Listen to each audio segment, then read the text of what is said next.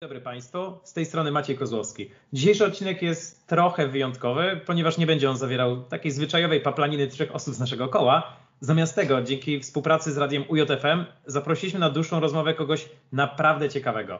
Razem ze mną jest doktor adwokat Karolina Mania, prawniczka, członkini Centrum Alternatywnego Rozwiązywania Sporów przy Uniwersytecie Jagiellońskim, adiunktka Katedrze Zarządzania Strategicznego w Instytucie Ekonomii, Finansów i Zarządzania oraz prezes Stowarzyszenia Klubu Stypendystów Fundacji Kościuszkowskiej.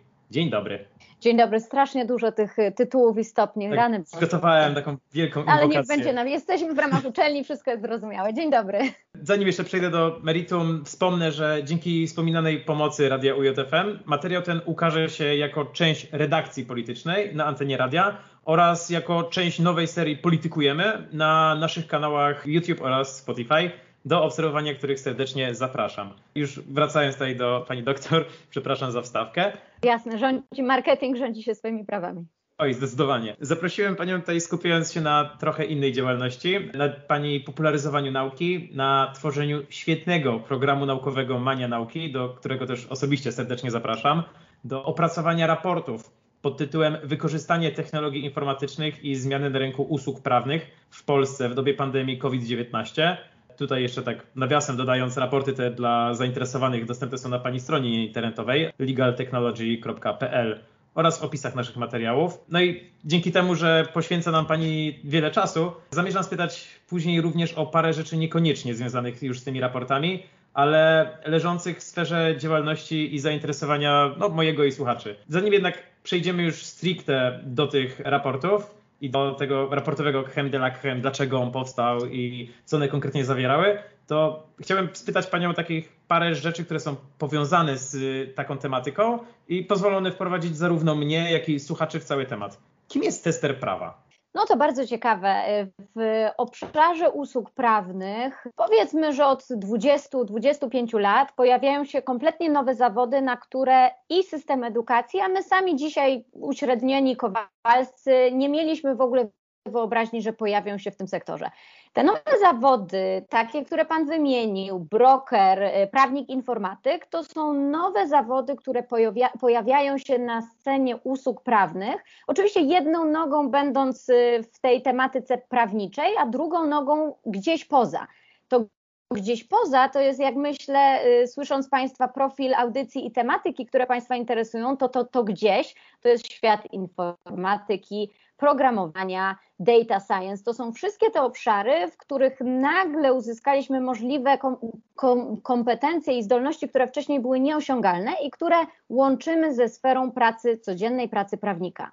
Tak więc zakładam, że zaczynamy od pytania, które nas tak powoli, powoli kieruje do, po części też tej mojej tematyki raportu, ale ja tutaj tym nie chcę epatować, to, czym chciałabym Państwa bardzo zachęcić i zainteresować, to w ogóle to, żeby popatrzeć na sferę usług prawnych zupełnie inaczej niż patrzyliśmy na nią do tej pory, czyli pomyśleć sobie o tym prawniku, którego sobie możemy wyimaginować w głowie. Wyobraźmy sobie, no nie wiem, jakiegoś głównego aktora no, z Suitsów, których oglądamy na Netflixie, czy innych obrazów prawników, których mamy z takiego biegowego, popularnego źródła. I teraz przełóżmy ich sobie na dzień dzisiejszy i przenieśmy ich do przodu 10-20 lat. Okaże się, że ten prawnik, który był 10-20 lat do tyłu, zupełnie nie będzie w stanie mógł z łatwością porozumieć się z prawnikiem, który za 10-20 lat będzie na tej scenie y, obecny.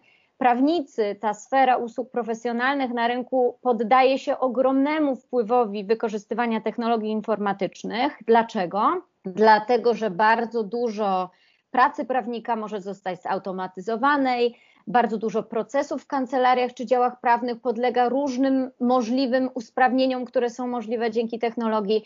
Żeby taką dać Państwu wizję całkowitej przyszłości, choć już te systemy funkcjonują, to też idziemy w kierunku predykcji.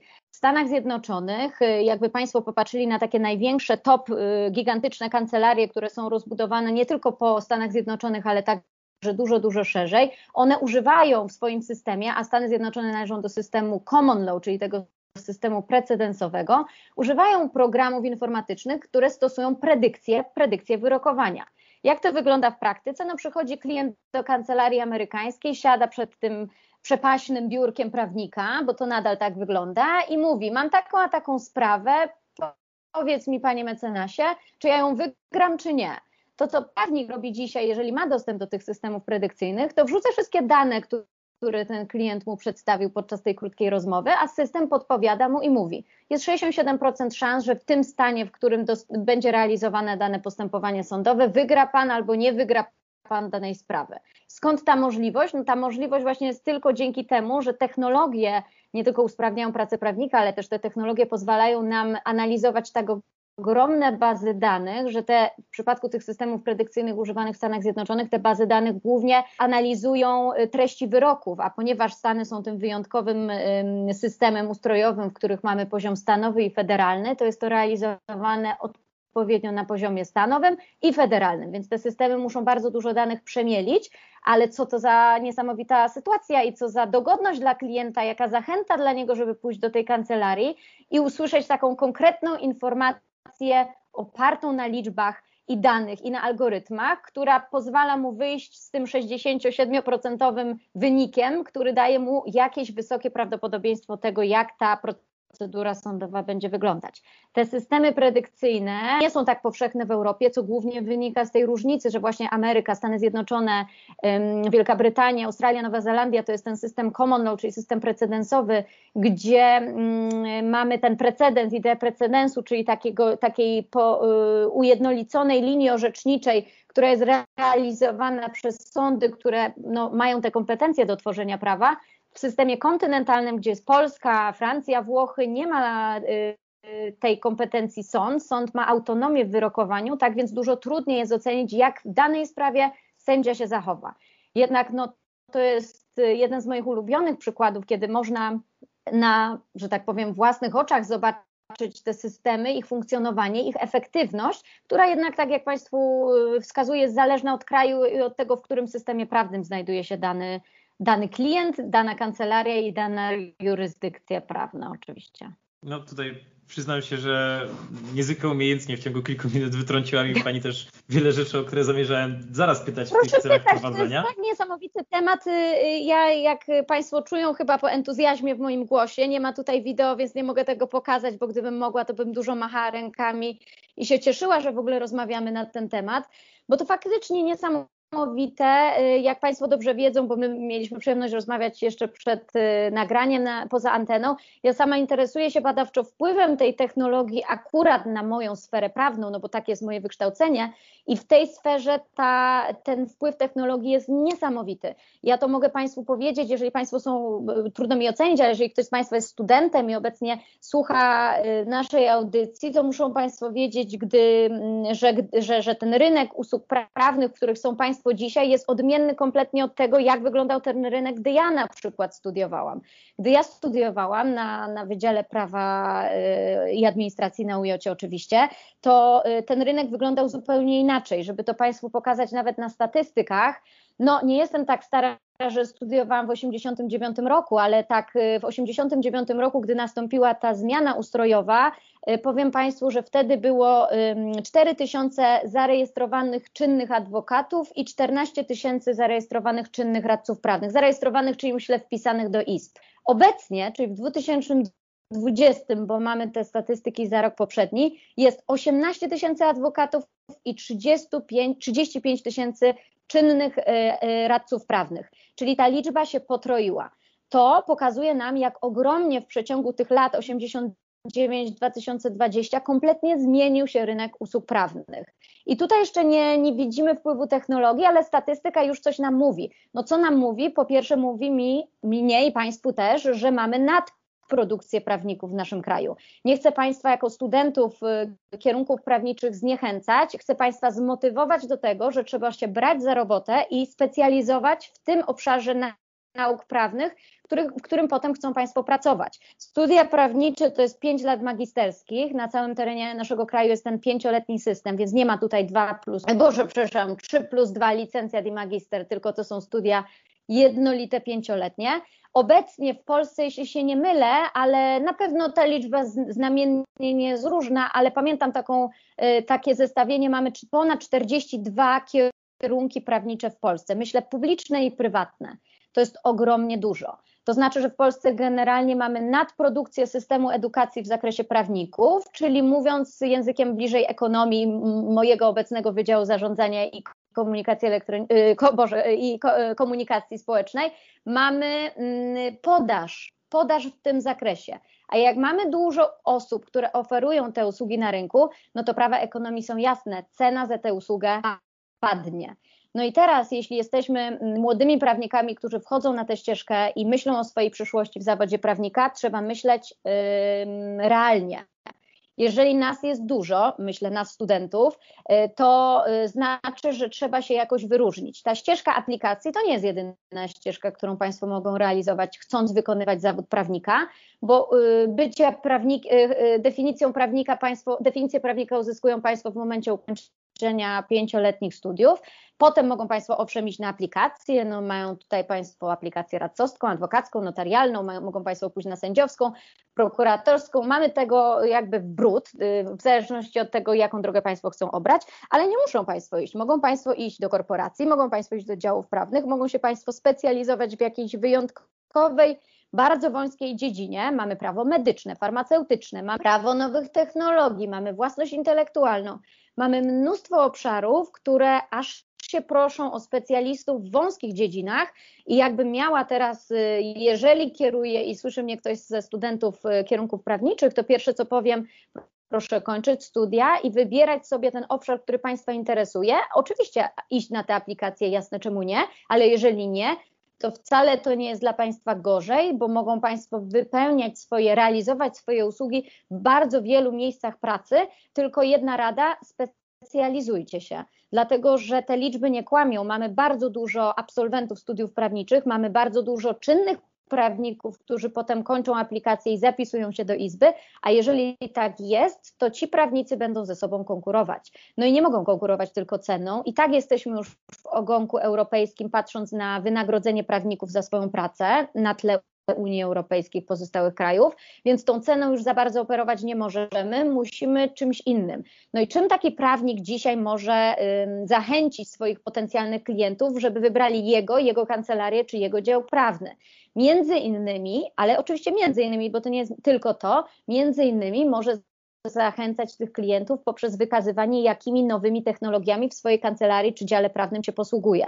No a te technologie informatyczne to są ogromne zasoby danych, które analizowane są przez sztuczną inteligencję, przez programy, które usprawniają nie tylko pracę prawnika, nie tylko jego komunikację z klientem, ale też pomagają mu w zakresie zbierania danych, y, zbierania y, informacji dotyczących postępowania dowodowego, automatyzacji procesów, usprawniania całości. No i tak na końcu klient ma być zadowolony. Jak będzie zadowolony, to przyjdzie on i poprzez system rekomendacji przyniesie dla tego y, prawnika kolejnych klientów. W związku z tym te technologie, którymi ja się tak mocno interesuję w pracy prawnika, rozpatruję na wielu polach, nie tylko pod kątem wow, jakie to jest niesamowite, że nagle sztuczna inteligencja może mi podpowiedzieć, jaki jest procent możliwości, prawdopodobieństwo wygrania danej sprawy, ale także może usprawnić pracę wewnątrz kancelarii. A jak Państwo się domyślają, mamy taki w Polsce rosnący rynek zasobu tych gigantycznych korporacji, e, które weszły na rynek i, i, konkurują z kancelariami, czyli mamy wielką czwórkę, wielkie firmy audytowe, które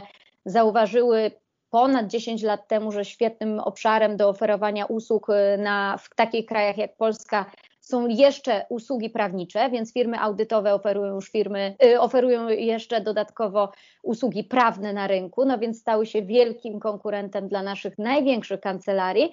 No i nagle okazuje się, że ta technologia dla, jest dostępna dla coraz większej rzeszy y, kancelarii i działów prawnych, a co za tym idzie, klienci mają coraz większą pewność, że ich sprawy będą um, analizowane przez dano, danego prawnika y, z najwyższą jakością, szybkością i, i możliwością uzupełnienia y, y, działań poprzez wykorzystywanie tej technologii i automatyzacji procesu. Mm, a wspomina tutaj jeszcze Pani właśnie o specjalizowaniu się i to jest wydaje mi się coś, co tak jakby każdy student prawa już pewnie słyszał prędzej czy później. Mam nadzieję, że wziął to do serca. E, a jak Pani patrzy na e, kwestię interdyscyplinarności? Tutaj, nie wiem, wydaje mi się, że taki głośny przykład, e, który mi się pojawia w głowie, to jest na przykład ten prawnik programista, o którym tak. już tutaj pani wspominała i wiem, że ja go na przykład poznałem z, przepraszam, że to powiem, serialu TVN-u, e, tak. który właśnie traktował około e, tej pracy prawniczej, nie będę już podawał nazwy. I czy widzi pani właśnie tę przyszłość tej interdyscyplinarności, czy może taki student bardziej powinien się jednak, no może nie powiem zamykać, ale no skupiać na tej specjalizacji nauk prawnych, a dopiero jeżeli już ją będzie w stanie osiągnąć albo ją będzie miał, no to próbować wychodzić na inne dyscypliny? To jest świetne pytanie. Ja pana poza anteną zapytam, co to był za, za serial, bo takiego serialu ja nie znam, może nie jestem tutaj biegła, bo nie oglądam, ale za czasów dawnych, dawnych taki serial prawniczy, który pamiętam z uśmiechem na ustach go wspominam, który chyba to jest, tak na pewno była produkcja TVN-u, to było Magda M. Jakby Państwo tę Magdę M obejrzeli, chyba nie wiem, 10-15 lat od emisji rany, nie pamiętam, to tam takich nowinek technologicznych zupełnie nie było. Ten, ten prawnik to był właśnie taki prawnik, jaki jeszcze ugruntował się w naszych głowach po latach 90. i późniejszych. A to poza anteną, bo tego się od Pana dowiem. A, a co do pytania pierwotnego o te specjalne Powiem tak, y, żeby zostać prawnikiem, na pewno trzeba ukończyć ten pięcioletni tryb studiów magisterskich, zakończyć wszystkie studia, obronić się i mieć już dyplom w swojej ręce. To jest ta baza, oczywiście, z którą Państwo wychodzą potem na rynek, y, y, na rynek pracy.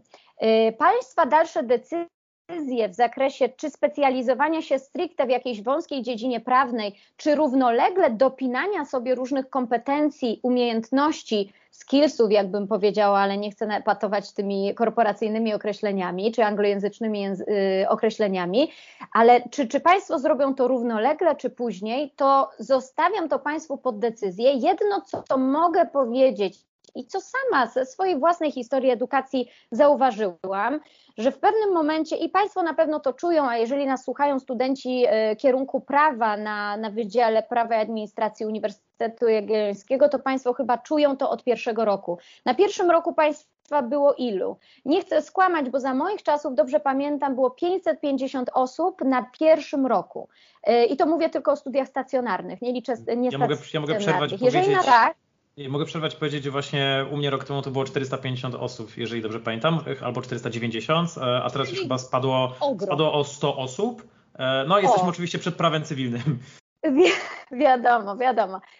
Ym, prawo cywilne to według mnie pikuś w porównaniu z innymi procedurami, ale to dobra, moja, moja uwaga.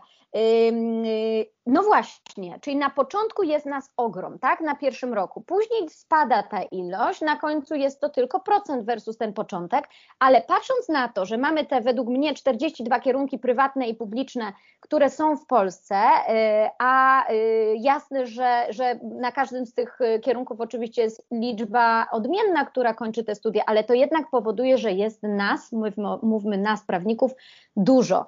Więc ten moment, którym ja sama pamiętam o sobie, y, kiedy zorientowałam się, że nadal, mimo że nie kończy nas już tak dużo osób na końcu, ale jest nas nadal dużo na arenie ogólnopolskiej, to był koniec studiów. Wtedy popatrzyłam, obejrzałam się wokół i stwierdziłam, ok, muszę sobie znaleźć taką działkę, która interesuje mnie, z którą będę mogła funkcjonować zawodowo, badawczo i która po prostu będzie mi, y, no powiem to to bardzo po amerykańsku, ale dostarczała uśmiechu i satysfakcji na co dzień, a nie będzie dla mnie udręką. Dla mnie, jakby mnie Państwo spytali, udręką i dramatem były wszystkie materie administracyjne. Ja tego na studiach nie znosiłam, mogę to powiedzieć otwarcie ale za to pełną miłością wszystko, co było z gałęzi prawa cywilnego. W związku z tym całą gałąź cywilnego prawa, czyli mówię wszystko, prawo cywilne, ochronę własności intelektualnej, prawo pracy, ja to wszystko chłonęłam i to nie sprawiało mi żadnego problemu. W związku z tym już w końcówce moich studiów, po wszystkich procedurach,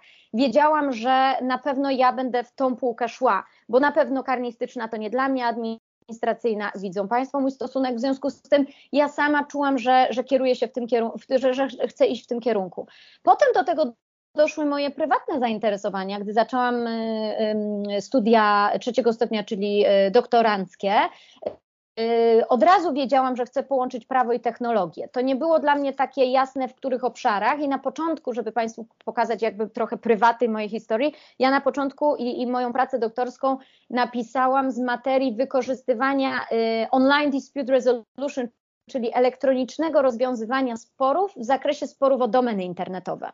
E, więc najpierw stwierdziłam, e, gdzie może technologia usprawnić wymiar sprawiedliwości, potem stwierdziłam, że z wymiaru sprawiedliwości pójdę na pozasądowe metody, czyli mediację i arbitraż i potem skupiłam się właśnie na tej wąskiej bardzo materii rozwiązywania sporów o domeny internetowe. One wydawały mi się fascynujące, bo to nie własność, ta rejestracja. Zastanawiałam się, jak tutaj w ogóle systemowo możemy odciążyć wymiar sprawiedliwości i tymi pozasądowymi metodami rozwiązać gigantyczną ilość sporów na tym tle i te niektóre spory przecież mają ogromną wartość, bo wartość domeny, y, którą ktoś rejestruje, wyobraźmy sobie na przykład apple.com, jest gigantyczna, w związku z tym muszą być jakieś mechanizmy, żeby móc rozwiązać spory na tym tle. Więc tak się zaczęła ta moja, jakby moje specjalizowanie się w tym obszarze.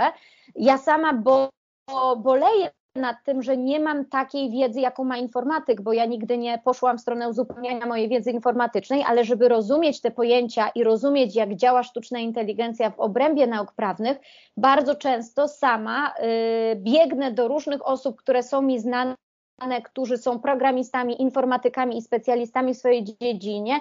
I ja jako przedstawiciel nauk społecznych pytam ich, ej, wytłumacz mi jak to działa. I razem ta kooperacja i ta interdyscyplinarność, o którą Pan pytał, musi wystąpić, dlatego że ja sama jakby studia prawnicze nie dały mi tej wiedzy stricte z zakresu y, programowania na przykład, w związku z tym tego mi brakuje, ale jeżeli mi tego brakuje, to o mechanizmy wykorzystywania tego w pracy prawnika po prostu zadaję te pytania informatykom.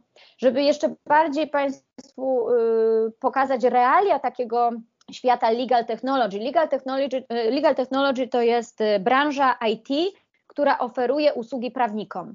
Jak to wygląda w praktyce? Siada prawnik i siada programista. I prawnik mówi: Mam takie a takie problemy w kancelarii, mam za dużo takich a takich danych, nie mogę usprawnić mojej pracy. Programista z drugiej strony mówi: Zaraz, zaraz, poczekaj, jakie ty masz dane, co jest, co mogę zautomatyzować, co jest na tyle mm, indywidualne, że nie da się tego wprowadzić jako szereg procesów, które jest powtarzalne, a co jest w Twojej pracy powtarzalne. Jeden z, drugich, z drugim siadają naprzeciwko siebie i razem tworzą narzędzie. Prawnik mówi, jaka jest potrzeba, a informatyk mówi, jak to można zrobić na danych, które posiada ta kancelaria. I tak tworzą się te niesamowite rozwiązania, jakie mamy na rynku, rozwiązania branży legal tech, kiedy to właśnie informatycy realizują, usprawniają działania prawników. Jeszcze, żeby Państwu, nie daję Panu dojść do słowa, przepraszam, ale jak Pan widzi ten temat to jest coś e, miód na moje serce, żeby Państwu jeszcze bardziej pokazać, jak to działa w e, praktyce. Zachęcam wszystkich Państwa do wejścia na stronę Global Legal Hackathon.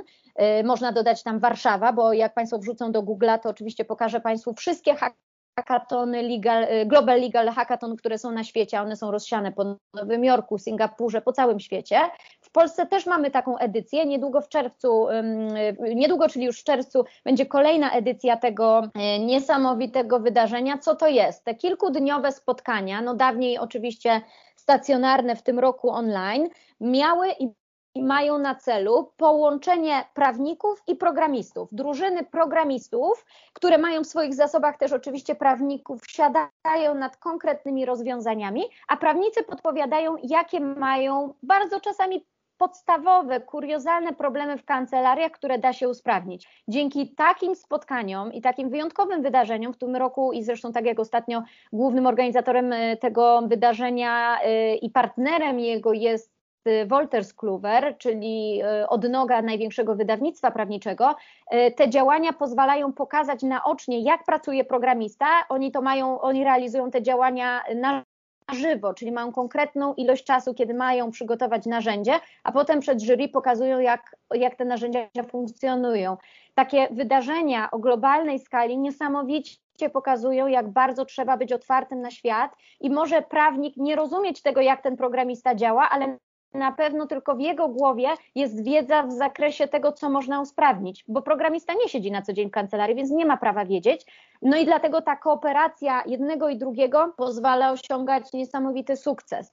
Więc jeszcze raz wracając do Pana pytania, specjalizację rozumiem w ten sposób, żeby albo wybierać faktycznie swoją wyjątkową ścieżkę zainteresowania, prawo medyczne jest też takim bardzo ciekawy, ciekawą odnogą, bardzo wyspecjalizowaną, albo drugie, dorzucać sobie do swojej wiedzy wyspecjalizowanej nadal dodatkowe umiejętności, które na tym rynku będą coraz bardziej pożądane, a ten prawnik programista, o którym Pan wspomniał, to jest świetny przykład na to, że faktycznie ten zawód prawnika zaczyna nam od, po prostu skręcać w kierunki, które jeszcze 10 lat temu nikt by nie, może nie 10, przesadziłam, 20 lat temu nikt by nie pomyślał, ale już 10 lat temu faktycznie zaczynaliśmy widzieć taką potrzebę.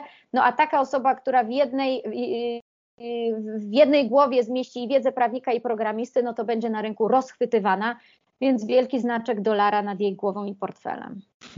No dobrze. E, kusi mnie bardzo Pani, żebym wypytywał jeszcze bardziej o te rzeczy, ale obiecałem tutaj zarówno sobie, jak i słuchaczom, no i Pani, że przejdę do raportu, a wydaje mi się, że on też chowa bardzo wiele rzeczy ciekawych, o których tutaj możemy traktować. E, wprowadzę tak tylko krótko słuchaczy, bo wspominałem tylko jego nazwę.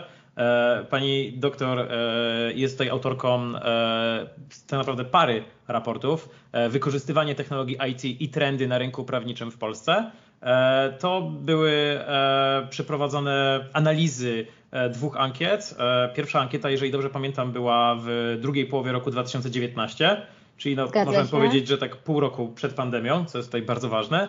Bardzo. A druga, druga z tych ankiet była właśnie przeprowadzona w, przy, na przełomie maja i lipca zeszłego roku, czyli już w tym momencie, w którym właśnie ten rynek prawniczy powoli zaczynał się dostosowywać do, no, do tych warunków pandemicznych, których byliśmy świadkami.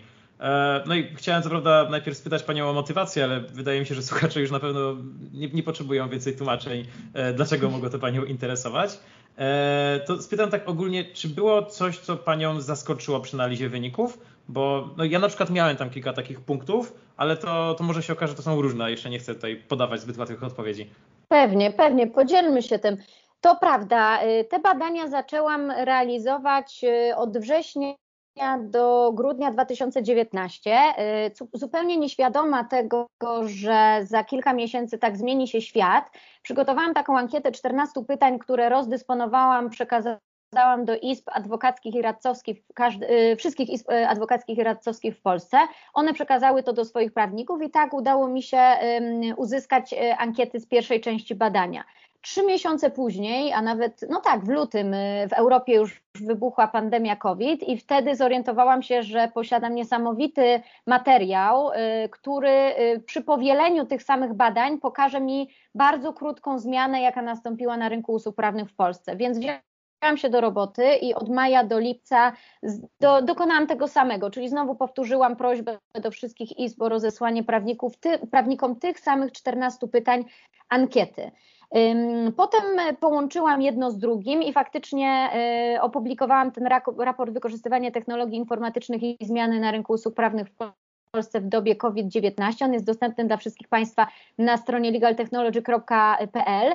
W ogóle moim celem, poza tym, że oczywiście to realizowałam w ramach grantu, e, to były powiązane. Pierwszy grant, który otrzymałam, to był grant Narodowego Centrum Nauki e, e, i pozostałe, ale jakby poza grantowymi, bo to są rzeczy uczelniane, jakby moją własną motywacją było to, żeby jak najszybciej upublicznić i udostępnić wszystkim te badania, bo czy to jest student prawa, który wchodzi na rynek, y, y, na rynek pracy, czy to jest aplikant, czy to już jest prawnik, który działa samodzielnie, oni wszyscy byli, mogli zostać, e, jakby powinni być zainteresowani tą zmianą, która na tym rynku następuje w dobie trwania e, pandemii COVID, bo bądźmy szczerzy, już nigdy nie będzie będzie tak jak przed pandemią, tak? Już nigdy świat nie wróci do tego, co było. Czy ta pandemia będzie trwała jeszcze dużo dłużej, czy będą kolejne? Świat już nigdy nie wróci do tego, co było. W związku z tym taka szybka, bardzo krótka akcja badawcza, która pozwoliła, pozwoliła mi wysądować tę zmianę, to był jakby taki mój cel stricte badawczy. Co pokazały te wyniki? No, nie chcę nawet tego dzielić na rzeczy pozytywne i negatywne, bo to to po prostu no, pokazały to badania, więc nie, nie, nie mnie to oceniać, ale y, faktycznie prawnicy częściej w dobie COVID wykorzystują te podstawowe narzędzia, a podstawowe narzędzia to były edytory tekstu, poczta e-mail, komunikatory internetowe. Tutaj wzrost wykorzystywania tych narzędzi sięgnął od 5 do 8%, więc to, y, to już jest taka informacja, która jakby mamy podstawy do tego, żeby widzieć, że prawnicy faktycznie częściej sięgają do, do tych narzędzi, nawet podstawowych. No niech to będzie ta poczta e-mail, komunikator internetowy i, i edytor tekstu, ale już wykorzystują je bardziej. Co ciekawe, mm, wszystkie wskazane narzędzia, a ja tam wymieniałam y, jeszcze poza tymi podstawowymi podpis elektroniczny, zarządzanie kancelarią, czas, ewidencja czasu pracy, systemy zarządzania finansami, zarządzania dokumentami, y, wszystkie narzędzia, które tam y, opisałam, cieszą się wyższym poziomem wykorzystywania poza jednym systemem zarządzania finansami. Okazuje się, że prawnicy w dobie tak, to jest ciekawe i powiem szczerze, że jak pierwszy raz zaczęłam porównywać te wielkie excelowskie tabele, które mi wypluł system, to nie mogłam uwierzyć i potem pomyślałam, skąd się bierze taka ogromna niechęć w zakresie tych systemów zarządzania finansami i dokonałam takiego uzupełniającego, konsultacyjnego, na własną potrzebę absolutnie y, badania. To znaczy zwróciłam się do różnych prawników y, z taką krótką ankietą, którą y, wypełniłam którą stworzyłam w, w Google na, na Formsach i wysłałam do nich po prostu dowiedzieć się o motywację. Główna motywacja to była finansowa, co się okazało, czyli prawnicy, czy w kancelariach, czy w działach prawnych nie przygotowali się do tego, żeby takie systemy u, u, siebie wdrożyć. A proszę zobaczyć, jeżeli ja zaczęłam te badania robić od maja do lipca, no to zakładając, że w Europie pandemia wybuchła, w lutym, marzec był jeszcze wielkim szokiem. Oni nie zdążyli jeszcze tych systemów do siebie wdrożyć, a barierą były finanse, ale drugą barierą tuż za finansami, którą mi wskazywali, wskazywali, to był brak wiedzy w zakresie tego, jak y, korzystać z tych systemów. Jednak proszę pamiętać, prawnik to, to nie programista. Prawnik był edukowany nauk, w, w ramach obrębu nauk społecznych i on nie musi od razu umieć tymi systemami y, operować. W związku z tym zaskoczyło ich to i faktycznie te systemy zarządzania finansami omijali i, i tutaj te wskaźniki w dobie pandemii akurat pokazały, że, że ten system nie, no, nie siadł na tym rynku. Wyższy poziom też pokazał się niechęci co do niektórych systemów, ale to też można uzasadnić tym, że generalnie no, no prawnicy muszą Państwo wiedzieć, no, no nie zareagowali ochoczo i bardzo dynamicznie na te transformacje digital transformation, można powiedzieć, czyli ta digitalizacja. No bardzo dużo prawników, to już nie moje badania, ale inne bardzo Państwa kieruje, takie bardzo ciekawe Future Ready Lawyer, to są badania Wolters Kluwer, które pokazują, że jakiś ogrom procent prawników, duży procent prawników w Polsce używa do komunikacji z klientami swojej poczty na Gmailu no, no to już nie chcę się denerwować, że to w ogóle nieprofesjonalne, bardziej się denerwuję zabezpieczeniem danych i bezpieczeństwem tym, tych danych, nie mówiąc o innych aspektach, które mogą się tutaj wkraść w zakresie naruszeń RODO. W związku z tym, jeżeli tak jest, że duży procent z nich nadal z tego korzystał przed pandemią, to myślę, że oni nie mogli takiej szybkiej transformacji wykonać w przeciągu tych kilku miesięcy. Wzrosło wykorzystanie generalnie tych technologii, co budzi jakby pewien pewną nadzieję, że prawnicy dostrzegą konieczność y, y, zmiany i otwarcia się na nowe technologie, szczególnie, że pandemia wywołała, tak jak na wielu innych rynkach, niemożność kontaktu osobistego, w związku z tym ten prawnik musiał, musiał się przerzucić na Teamsa, musiał się przerzucić na Zooma albo na inne systemy, które pozwalały mu prowadzić swoją pracę. I to mówię nie tylko, mm, mówię o systemach y, komunikacji, czyli to jest ważne, że, że to prawnik klient, a jeszcze gorszym problemem było to, co się stało z salą sądową w tym czasie, ale mój projekt, akurat ten, te moje badania nie badały y, problemów y, z, w pandemii wymiaru sprawiedliwości, czyli tego, co na przykład tyczy się niedostosowania kodeksu postępowania cywilnego do, do, do, do tego stanu pandemicznego, tylko do tego rynku poza, czyli tego rynku w zasadzie prywatnego przedsiębiorców, którzy oferują IT rozwiązania dla prawników. Narzędzie, które ewidentnie w dobie e, pandemii w większym stopniu, bo prawie o 19% y, y, wzrosło jego wykorzystanie, to jest oczywiście, nie musimy tutaj daleko się dziwić, podpis elektroniczny. Tak? Prawnicy rzucili się na niego i stwierdzili, że wydanie tych kilkuset złotych, żeby ten podpis elektroniczny sobie załatwić, jest rzeczą, która i tak usprawnia ich pracę, więc faktycznie gremialnie rzucili się i wykorzystują teraz w dużo wyższym stopniu ten, ten, to narzędzie technologiczne. A jakie Pan widział y, wyniki? Bo może ja to ja mogę mówić jeszcze długo, ale może, może są takie, które Panu zostały w głowie, to, to skomentuję. E, znaczy w sumie tutaj takim głównym, e, tym główną rzeczą, która mnie zaskoczyła, było właśnie e, to zwiększenie się niechęci znaczy zwiększenie się niechęci prawników do tych systemów zarządzania kancelariami i ich finansami, Bo wydaje się, że to taki trend chwilowy, tak. Ja, ja też nad tym myślałam, Możliwe. ale wydaje się, że to była taka reakcja, po prostu oni byli zaskoczeni. Proszę pamiętać, ci, którzy korzystają z systemów zarządzania kancelarią, oni je znają i czują się w tych systemach jak ryba w wodzie. Widzą ich plusy i minusy, w związku z tym wiedzą, co to jest. A ci prawnicy, którzy ich nie używali, no to zostali tak nagle przerzuceni do świata technologii, że y, pierwsza ich reakcja, to jest taka ludzka reakcja, to jest niechęć. Tak? Więc wydaje mi się, że to gdybym powtórzyła te badania, a mam taki plan w dalszym e, czasie, już jakby na dalszym etapie, e, gdy jesteśmy bardziej zaznajomieni, zaznajomieni z pandemią, to myślę, że już nie byłoby aż tak dużego procent, e, wzrostu niechęci prawników do tych systemów. Mm, ale mogę na przykład powiedzieć, że byłem pozytywnie zaskoczony, bo przyznam się, że tak jakby to badanie było takim pierwszym momentem, w którym szerzej mogłem zobaczyć ten dorosły świat prawniczy, nie wiem, nie przez jakichś znajomych prawników albo nie przez właśnie różne seriale TVN-u. E, byłem na pewno pozytywnie zaskoczony powszechnością elektronicznej bazy informacji prawnej, bo przyznam się, że spodziewałem się, że ona tak jakby dużo bardziej jest popularyzowana na przykład w kręgach akademickich, w kręgach tych studenckich, naukowych i tak dalej, ale spodziewałem się, że tak jakby ci starsi prawnicy, no wydaje mi się, że jest ich też bardzo duża część i to też widać mhm. czasem w tych badaniach, e, które tutaj pani przeprowadziła, to spodziewałem się, że oni jednak no, będą woleli siedzieć w tych papierowych kodeksach i ewentualnie czasem siedzieć jakieś monitory legislacyjne, znaczy może nie monitory legislacyjne, ale wie pani o co mi chodzi. E, jakieś systemy, które pozwalają tak, śledzić te zmiany. Wersji, wersji, tak, no, powiem szczerze, że y, owszem, no, nie, nie chcę tak bronić y, mojej grupy zawodowej, bo znajdą się tacy, którzy z tego nie korzystają, ale to naprawdę jest już nieefektywne.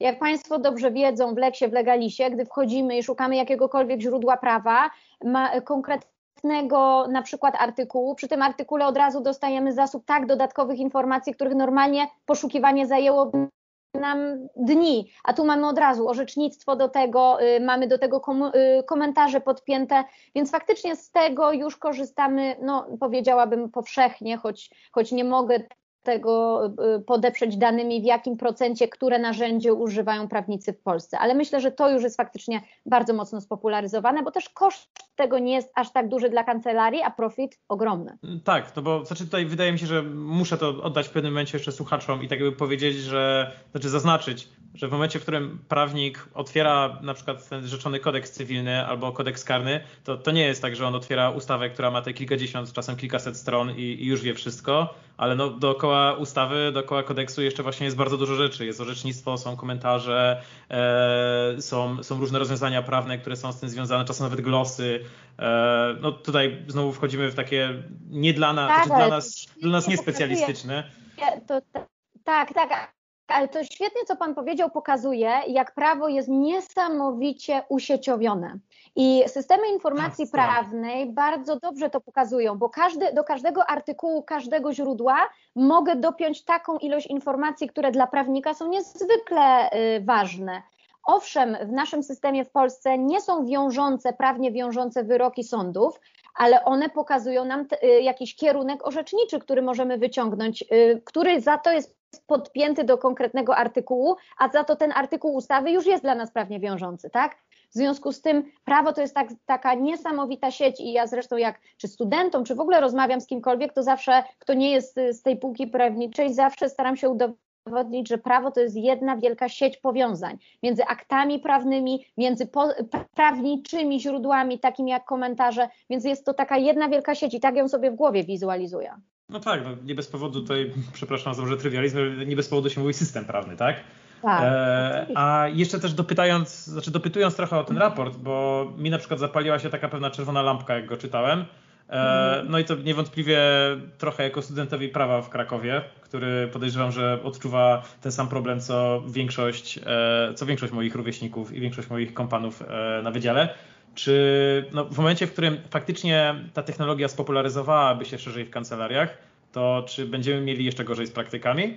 Bo czy, ja, mhm. ja mogę powiedzieć, że tak od siebie widzę dwa scenariusze i może one nie są sprzeczne, bo z jednej strony no, naturalną konsekwencją automatyzacji jest zmniejszenie popytu e, właśnie na pracowników, no to to już wiadomo od dekad jest zauważane, ale z drugiej strony widzę taką możliwość, że może na przykład w wielu kancelariach będzie tak, że będą tam stosowane systemy, których, no, przepraszam znowu, że to powiem, ale tak wylewam trochę kuby pomyj, ale ci starsi prawnicy no, nie zrozumieją albo na przykład no, po prostu nie będą mieli czasu się ich nauczyć i tutaj właśnie będzie ten moment, w którym ja albo ktoś, jakiś inny student prawa może wejść i powiedzieć, ha, umiem, umiem korzystać z tego systemu i nagle znajdzie się dla mnie no już nawet nie praktyka, ale może nawet praca. I oczywiście ja jestem w tej drugiej grupie albo w tym drugim toku Pana myślenia. Ja się z tym zgadzam, że młody prawnik obecnie na rynku i tutaj mają prawo też Państwo krytykować system, bo, bo pytanie, ja zadam Panu pytanie, czy ma Pan na studiach y, magisterskich prawniczych y, zajęcia z zakresu legal technology, czyli na jakich zajęciach uczy się Pan jakichś narzędzi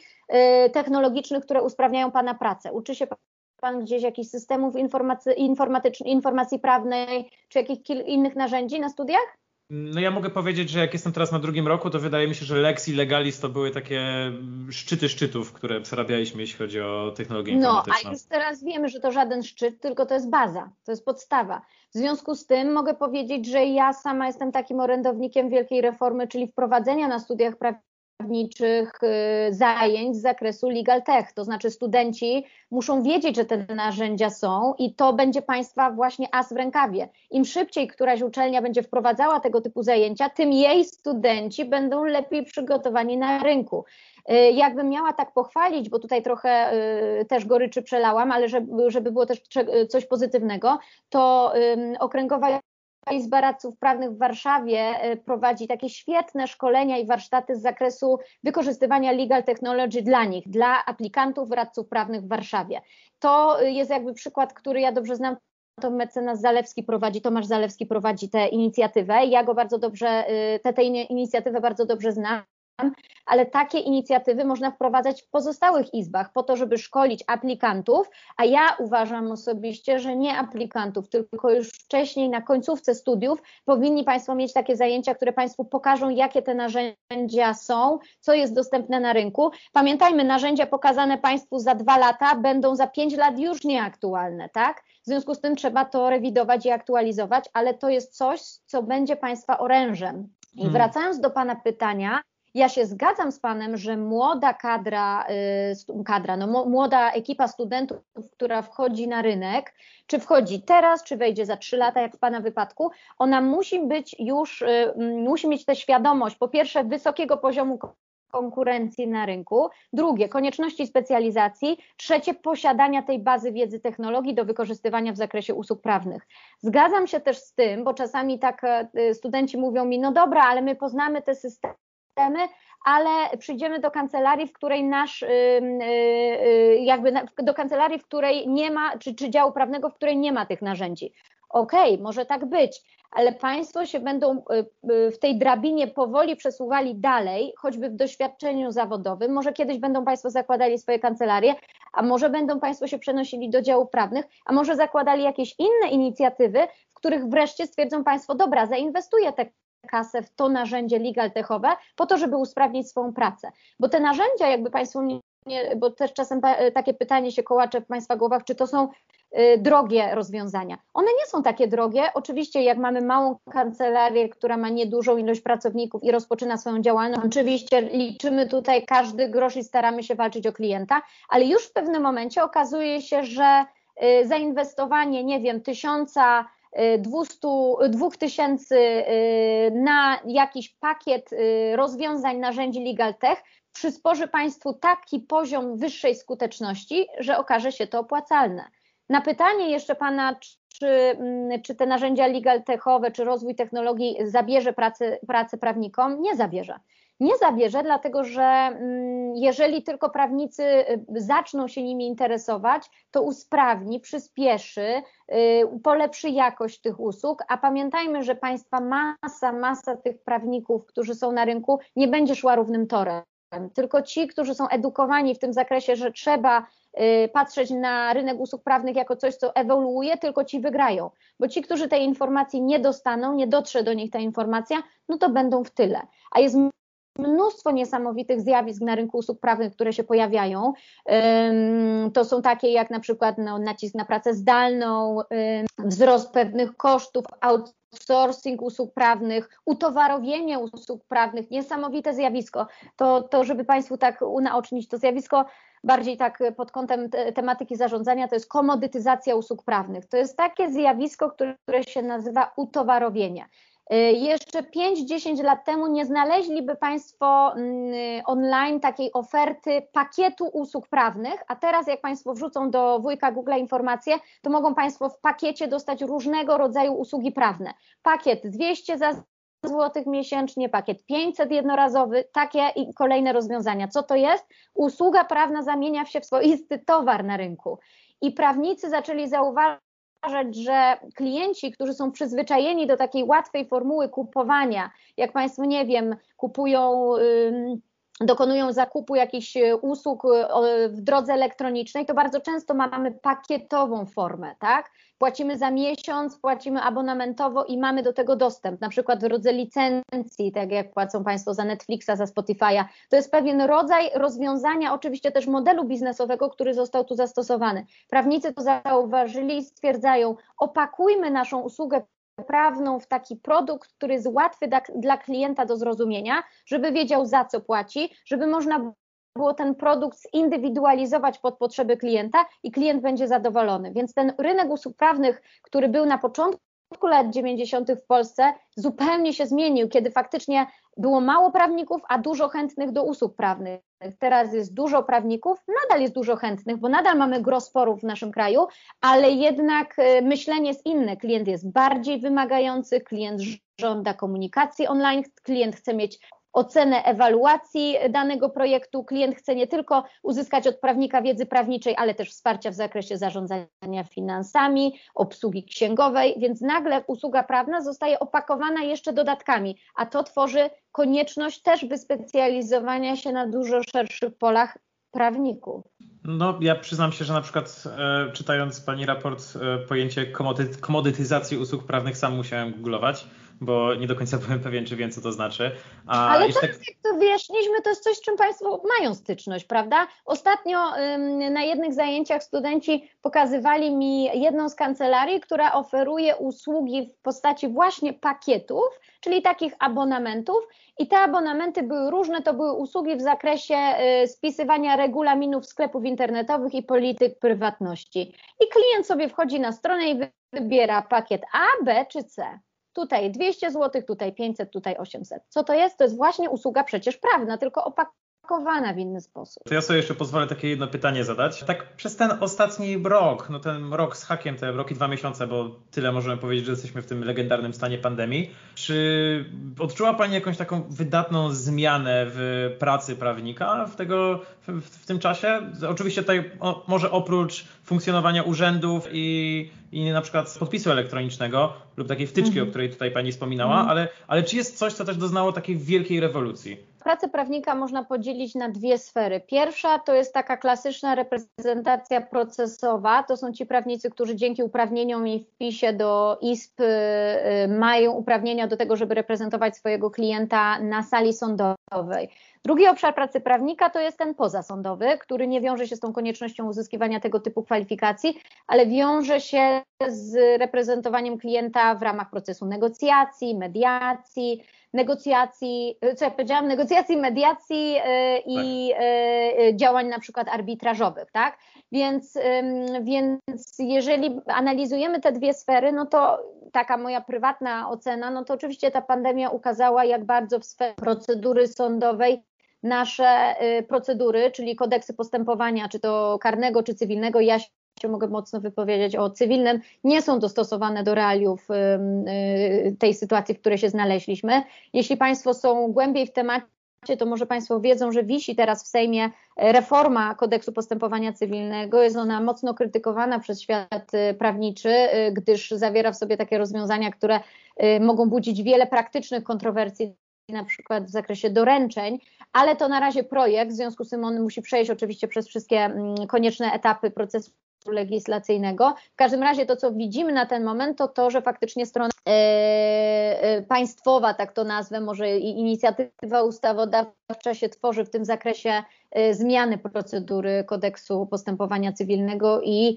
wprowadzenia tych y, elementów komunikacji elektronicznej na, wyższą, y, na wyższym poziomie.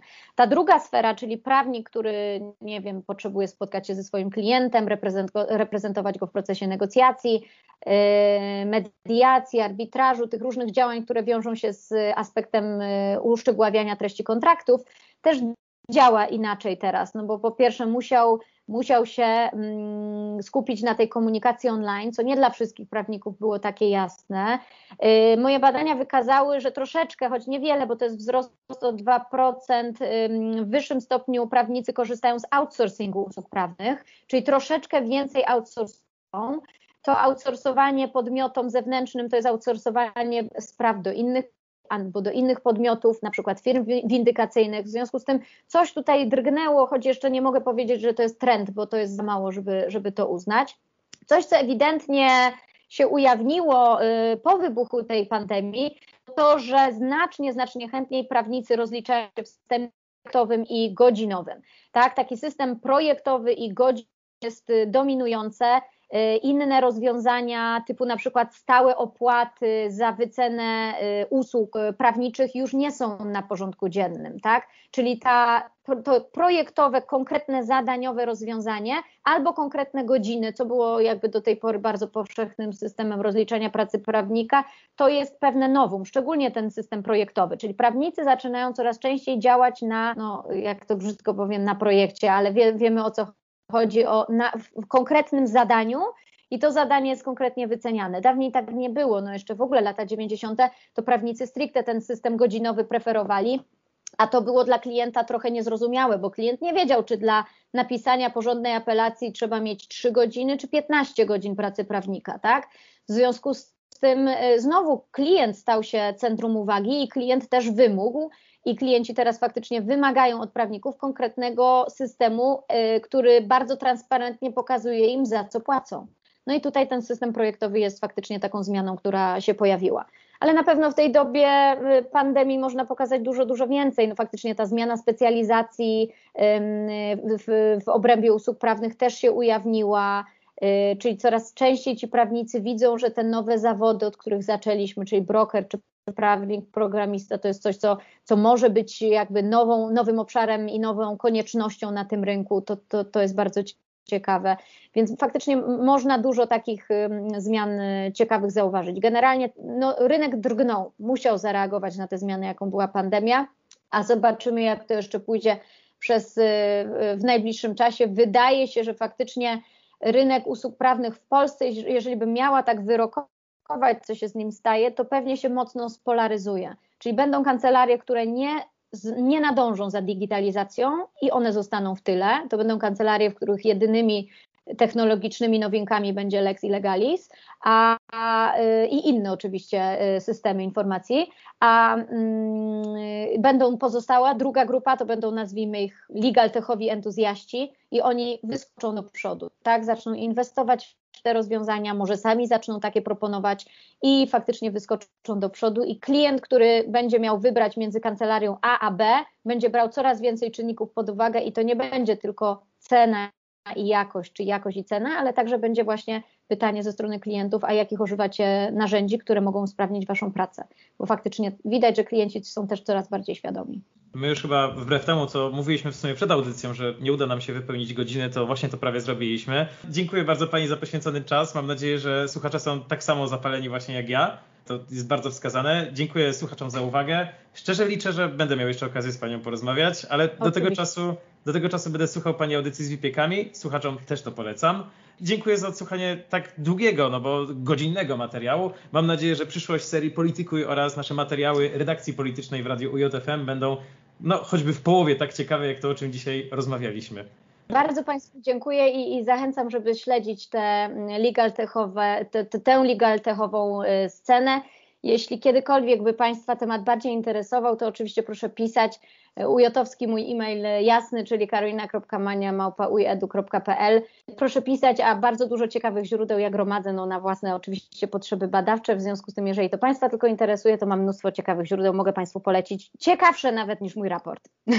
No, mi się wydaje, że sam podcast Mania Nauki tutaj potrafi bardzo poszerzyć horyzonty w tym kierunku. Hobbystyczne moje y, ale... działania, ale też oczywiście Państwa zachęcam. Nie mniej ciekawe, tak jak moje tutaj można powiedzieć. Dochodzimy do godziny. Dziękuję bardzo. Do usłyszenia słuchaczom i mam nadzieję, że do zobaczenia Pani doktor. Dzięki, dzięki ogromne.